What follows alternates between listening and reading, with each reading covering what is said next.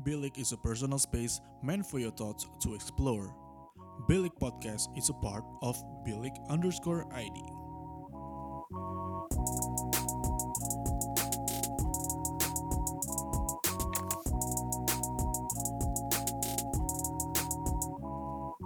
Bilik, your thoughts matter. Bilik sobat. Gila, akhirnya kita balik lagi setelah minggu lalu kita tidak ngapa-ngapain ya. Enggak sih sebenarnya bukan gak ngapa-ngapain, kita semua lagi ada kerjaan yang uh, harus banget dikelarin gitu. Jadi uh, kita nggak bisa update minggu kemarin. Ada nggak sih yang nungguin? Ada lah ya. Kamu.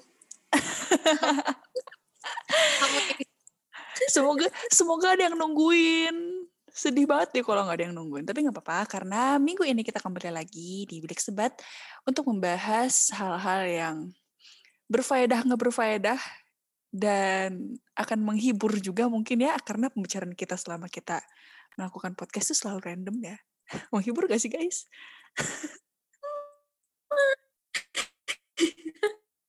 So gue bingung banget sih sama Fareta itu random banget. Oke, jadi hari ini jadi hari ini kita akan membahas sesuatu yang direkomendasikan sama salah satu teman kita dari Ratelina02 yaitu tentang apa Rat? Trash issue. Yeay. Supaya ini garing banget ya. Mohon maaf ya. ya, jadi hari ini kita akan bahas tentang trust issues. Jadi, pertama-tama apaan sih gue ya jadi gue pengen bahas aja sih sebenarnya trust trust issue itu sebenarnya apa contohnya kayak gimana ciri-cirinya kayak gimana apa sih penyebabnya dan mungkin cara bisa keluar dari trust issue gimana Floreta ngelek. Oke, okay, daripada gue ngomong rancu sendirian dan Floreta tidak menanggapi gue, mending gue langsung mulai aja. Jadi gue nemu dari uh, hasil research gue adalah ciri-ciri orang dengan trust issues. Yang pertama tuh selalu menaruh kecurigaan pada orang lain kalau orang lain itu akan menyakiti dia. Hmm. Yang kedua, menganggap setiap orang akan mengkhianati dia. Kayak suatu saat pasti akan mengkhianati gitu. Yang ketiga, menghindari untuk memiliki hubungan yang lebih dalam dengan orang lain. Dan yang keempat adalah merasa kesepian karena tidak memiliki seseorang untuk berbagi. Hmm, gimana tuh Rat?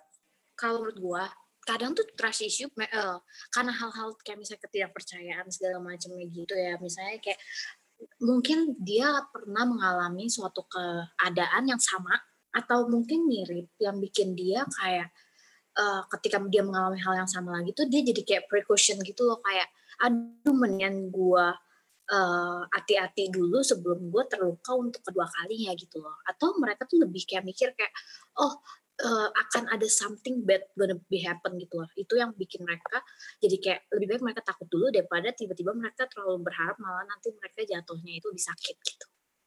Hmm, benar sih.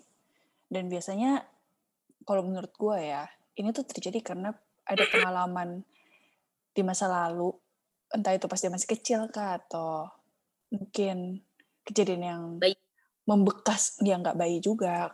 Lu tau lah Red, kita tuh tidak akan bisa mengingat apa pun di bawah umur tiga tahun. Red, konten kita tuh sedikit mengedukasi loh. Lu jangan tiba-tiba membuat salah informasi dong. Iya gitu. Yeah, yeah. Entah Lanjut. itu entah Siap. itu apa namanya? pengalaman pahit ketika dia masih kecil yang mungkin dia ditinggalin orang yang paling berharga buat dia ketika dia butuh atau mungkin ada kejadian-kejadian yang mungkin baru terjadi yang membekas banget gitu sampai akhirnya dia sulit untuk percaya lagi sama orang lain. Ayo dong Red, coba dong ceritain. Biasanya kan lu punya banyak banget tuh cerita. Ada nggak yang misalnya lu tahu gitu atau apa gitu pengalaman lu kayak apa kayak tentang trust issues gitu. Coba dong ceritain. Hmm, enggak sih. Apa ya? Aduh. nih, nih, mungkin gini uh, contohnya gue kasih contoh aja ya contoh. Hmm. mungkin uh, ini jadi di kalangan bahkan kalangan teman gue gue nggak pernah merasakan ini tapi ini terjadi di kalangan teman-teman gue jadi mereka punya uh, trust issue dengan relationship uh, dengan cowok gitu misalnya gitu. Hmm, sering terjadi dong Iya makanya itu sering banget terjadi. Makanya kan gue bilang ini hal ini adalah fenomena yang sering terjadi di kalangan teman-teman gue gitu.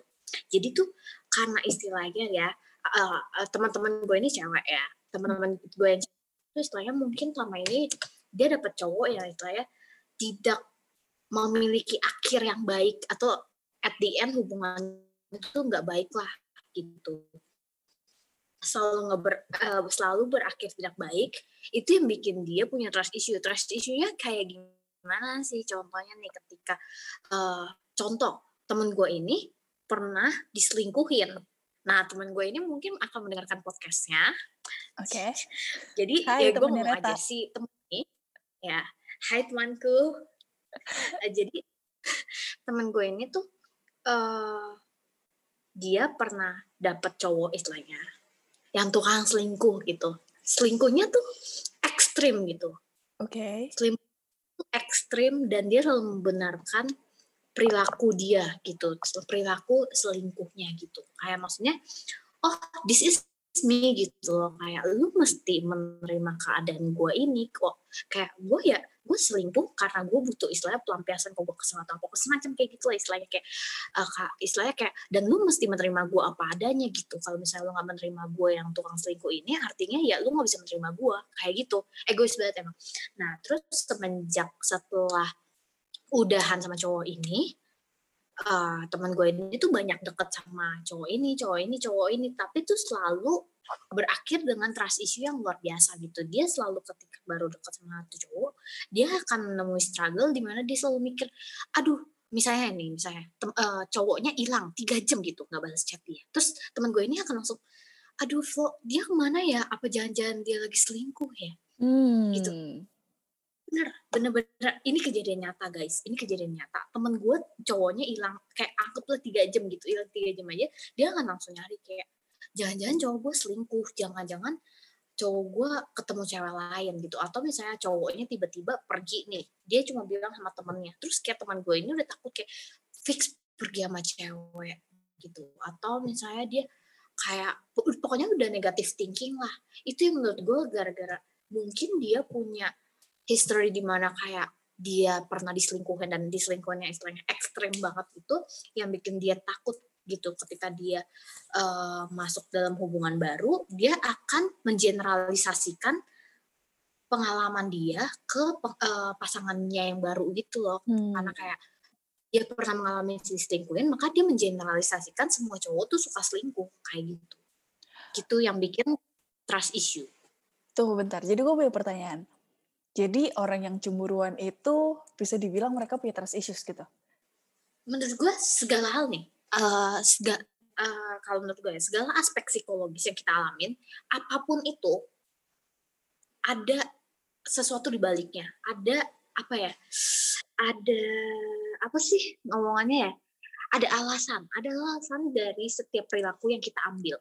Jadi nggak segala perilaku yang kita ambil tuh berdasarkan mentah-mentah aja gitu tapi maksudnya ada sesuatu yang mendasari hal tersebut kalau menurut gue ya gitu mm-hmm. contohnya gue orang yang jealousan mungkin dia pernah di uh, pernah dapat pasangan yang jealousan juga. Jadi dia kayak gitu. Atau mungkin uh, dia per, dia punya keluarga tipe-tipe yang posesif. Bukan posesif kayak yang orang tuanya mungkin kayak sangat ngejaga dia banget gitu. Istilahnya kayak ya pergi langsung dicariin dan itu secara nggak langsung tuh membentuk behavior dia gitu. Bisa hmm. aja gitu. Jadi, hmm. apa yang gue ngomong 100% benar adanya gitu nggak 100% benar ya hmm, jadi cuma berdasarkan uh, pemikiran gue aja gitu oh gitu soalnya gini gini soalnya gue tiba-tiba kepikiran ada salah satu temen gue yang bisa dibilang cukup jelasan lah. Enggak, bukan cukup. Dia jelasan banget lah. Posesif buat jadi orang. Tapi ya maksudnya, tapi nggak membenarkan juga perilaku posesif yang berlebihan ke seseorang ya. Even even tuh sebenarnya misalnya lu punya masa lalu yang kurang menyenangkan gitu, sampai akhirnya bikin lu jadi posesif. Menurut gue sih itu tidak membenarkan perlakuan posesif lu, apalagi kalau misalnya itu sampai mengganggu kehidupan pribadi lu dan kehidupan pasangan lu. Ya nggak sih? Uh, uh. Tapi mungkin kayak misalnya contohnya yang lu bilang tadi itu, uh, alasan yang gue maksud adalah contohnya kayak temen lu tadi itu mungkin dia punya uh, alasan di mana dia takut kehilangan orang lain loh. Dia takut kehilangan apa yang menjadi milik dia dan apa yang dia suka gitu, apa yang dia uh, sayang gitu. Jadi kenapa dia melakukan uh, berperilaku seperti itu karena dia takut kehilangan. Tapi dia nggak sadar kalau misalnya perilaku itu itu yang membuat terkadang uh, chance untuk kehilangan itu lebih besar. Yes, bener banget. Bener banget. Tuh gue lumayan concern sih sama temen gue yang ini. Maksudnya dia udah berkali-kali loh ada di situasi yang sama. Terus kayak udah pernah kita kasih tahu juga, mungkin gara-gara lo kayak gini, kayak gini. Tapi dia juga yang batu. Jadi kayak, makanya tadi balik lagi gue bilang, apa pun alasan yang terjadi sampai lu bisa jadi posesif itu tidak tidak membenarkan perilaku posesif lu apalagi tuh sampai mengganggu kehidupan pribadi pasangan lu gitu Nah, terus uh, menurut lu Red, apa hal yang harus dilakukan oleh orang yang punya trust issue? Hmm, kalau misalnya gua ngomong belajar untuk percaya itu bullshit. Ya. Itu bullshit. Itu sangat-sangat hal maksudnya bukan bullshit ya lebih tepatnya itu sangat hal yang teoritis. Betul. Yang uh, kalau misalnya orang-orang misalnya kayak aduh lu nettingan banget ya udah jangan pikirin sebenarnya tuh itu hal yang kayak lu gak perlu ngomong cuy kayak misalnya kayak aduh per, ya makan lah ya semua orang juga tahu gitu semua orang juga tahu. Tapi itu terkadang hal itu sudah nggak maksudnya realistis aja gitu. Misalnya nih kita ngomong ke orang yang orang punya trust issue terus kita, uh, orang yang saran ini bilang ya udah lu belajar lo percaya untuk sama orang lain. Lu pikir segampang itu nggak iya. bisa yeah. gitu gue eh, pengen kasih tau ke orang-orang. Kalau misalnya ada temen gue misalnya yang bilang kayak aduh uh, eh, gue takut ini takut ini. Please jangan ngomong kayak ya udah lu belajar uh, lu jangan takut lah gitu. Jangan netting enggak. Perasaan perasaan itu dan pemikiran negatif itu tuh nggak akan mudah hilang. Nggak yes. akan yang secepat kayak membalikan telapak tangan gak segampang itu. Segala hal tuh ada prosesnya cuy. Indomie yang mie instan aja tuh ada prosesnya tetap masak tiga menit. Gak satu detik dia ya. bisa sih Red kalau cara makannya kayak yang lu makan waktu itu cuma diremes dong oke jangan buka kartu. Oh iya sorry. Sorry sorry sorry sorry sorry ya lanjut silakan. Anak, itu gue ngeremes mie juga satu menit tau eh, jadi apa pun itu pasti punya proses ya termasuk dengan ngeremes mie untuk dimakan. Iya. Ini orang-orang nggak ngerti kita ngomong apa. Jadi gue tuh punya kebiasaan makan mie instan tanpa dimasak guys. Karena gue lapar kayak jam 10 terus kayak gue nggak mau ke dapur, cuci piring lagi, terus kayak nyalain kompor lagi, itu merupakan hal yang berat buat gue. Jadi ya, gue makan mie di rumah saja. Enak sih. Enak sih. Apalagi itu enak. Nah, balik ke topik. Balik lagi. Elah. Menurut gue, gimana sih cara menghilangkannya? Emang, uh, tapi kita tetap memang sebagai orang yang punya trust issue-nya itu, nggak membenarkan juga segala perilaku lu itu dengan didasarkan alasan lu gue punya kan gue punya trust issue. Setuju gitu. setuju banget gue nih makanya gue bilang ini untuk kedua belah pihak. Kedua belah pihak misalnya temannya sebagai pendengarnya. Lu nggak bisa ngomong ya udah lu berubah dong lu belajar untuk percaya. Lu nggak bisa ngomong gitu karena di satu sisi orang yang punya trust issue ini akan uh, apa ya dia tuh sulit gitu loh. Kalau misalnya dia bisa ya selama ini dia berubah coy gitu. Hmm. tapi satu sisi untuk orang yang mempunyai trust issue-nya ini nggak menjadikan alasan untuk kalian juga bilang kalau misalnya misalnya kalian tidak bisa melakukan suatu hal gitu misalnya suatu uh, misalnya uh, kalian disuruh melakukan suatu tindakan tertentu terus kalian uh, pakai alasannya kayak aduh gue kan nggak uh, gue punya trust issue jadi nggak bisa gitu. Atau misalnya lu bete seharian nih gara-gara trust issue lu itu ah bukan trust issue gara-gara netting lu itu misalnya kayak teman gue nih dia kayak cowoknya tiba-tiba hilang terus dia bete seharian seminggu sebulan gitu. Tidak menjadi pembenaran juga ketika lu juga bilang kalau misalnya itu semua gara-gara trust issue lu gitu. Setuju. Kayak hal itu mesti di fix gitu. Ketika something udah jadi toxic buat diri lu sendiri hal itu tuh mesti dibenahi bukan hmm. dibiarkan. Apa pun masalah besar apa pun masalahnya seberat apa pun lu istilahnya ketika lu mencoba memperbaiki hal tersebut walaupun sakit gimana pun caranya lu tetap mesti fix hal itu gitu.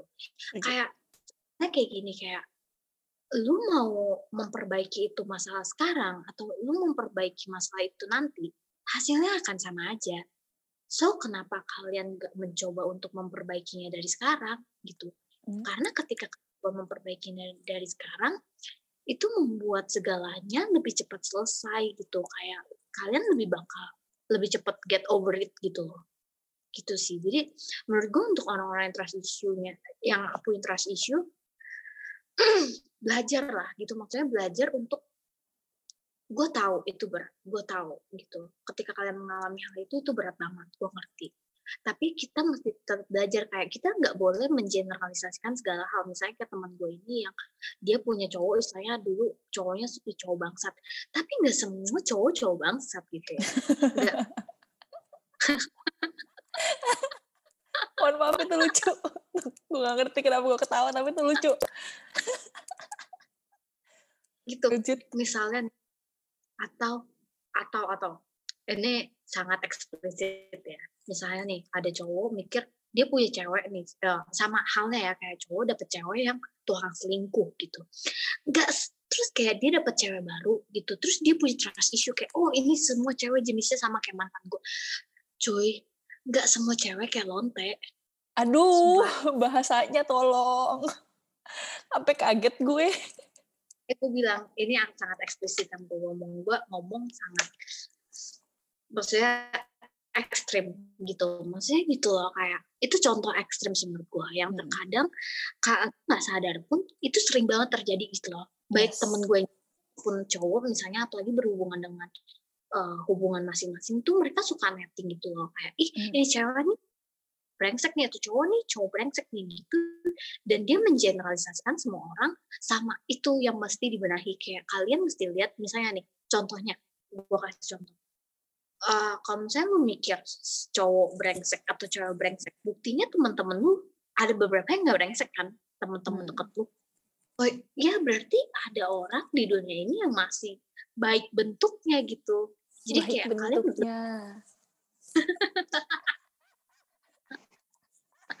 Jadi kayak lebih hal-hal kayak gitu menurut gue nggak bisa di fix orang lain tapi mesti di fix dari diri sendiri karena kayak suatu hal bisa berubah itu nggak bisa karena dorongan orang lain tapi harus dari dorongan diri gitu. Setuju banget gue. Dan yang kayak maksudnya trust issues itu bukan cuma sekedar ke pasangan dalam hal romantic relationship aja ya, tapi ke teman-teman juga, bahkan ke orang tua juga menurutku bisa. Nah, sama kayak yang tadi Rata bilang, uh, trust issues itu harus mulai dari dalam diri sendiri dan itu tuh butuh butuh niat, butuh energi dan butuh waktu gitu loh. Lo nggak bisa kayak uh, sekarang lu bilang lu mau menjadi lebih baik terus besok lu jadi versi lebih baik. Ya nggak gitu juga, tapi harus ada proses gitu dan proses itu yang membentuk lu menjadi sebuah pribadi yang jauh lebih baik ke depannya. Dan ini yang gue dapat dari hasil research gue ya kayak ada yang bilang kalau misalnya lu punya trust issues ya udah lu sibuk uh, sayang sama diri lu sendiri dulu deh gitu. Jadi ujung-ujungnya kita ngomong ke sayang diri sendiri lagi ya, Red. Karena segalanya.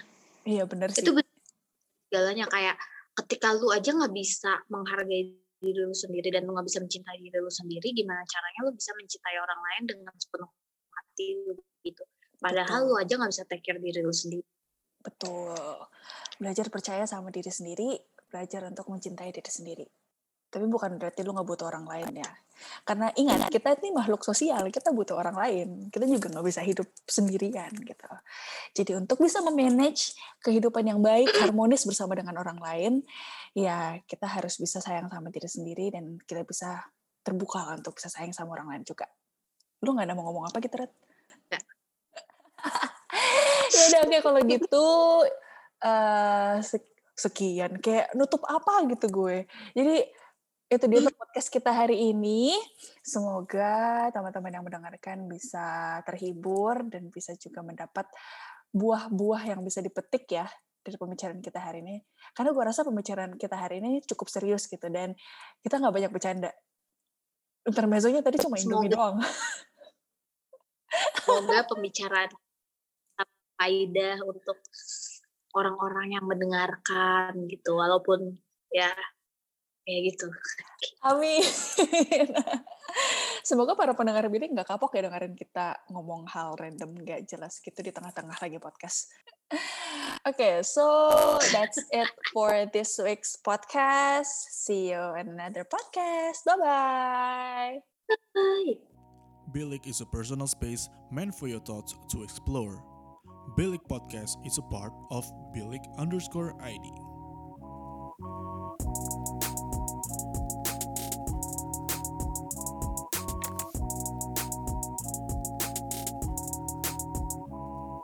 Bilik, your thoughts matter.